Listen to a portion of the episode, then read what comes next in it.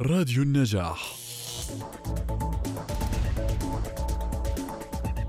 يدعوكم معهد السياسة والمجتمع لتعبئة نموذج المشاركة في الجلسة الثالثة من منتدى السياسة والمجتمع للكتاب والتي ستعقد يوم السبت الموافق الثامن من كانون الثاني في تمام الساعة الحادية عشر صباحا في مقر المعهد في خلدة حيث سيتم مناقشة الباب السابع من كتاب أساسيات الجيوبوليتيكيا مستقبل روسيا الجيوبوليتيكي من تأليف ألكسندر دوغن.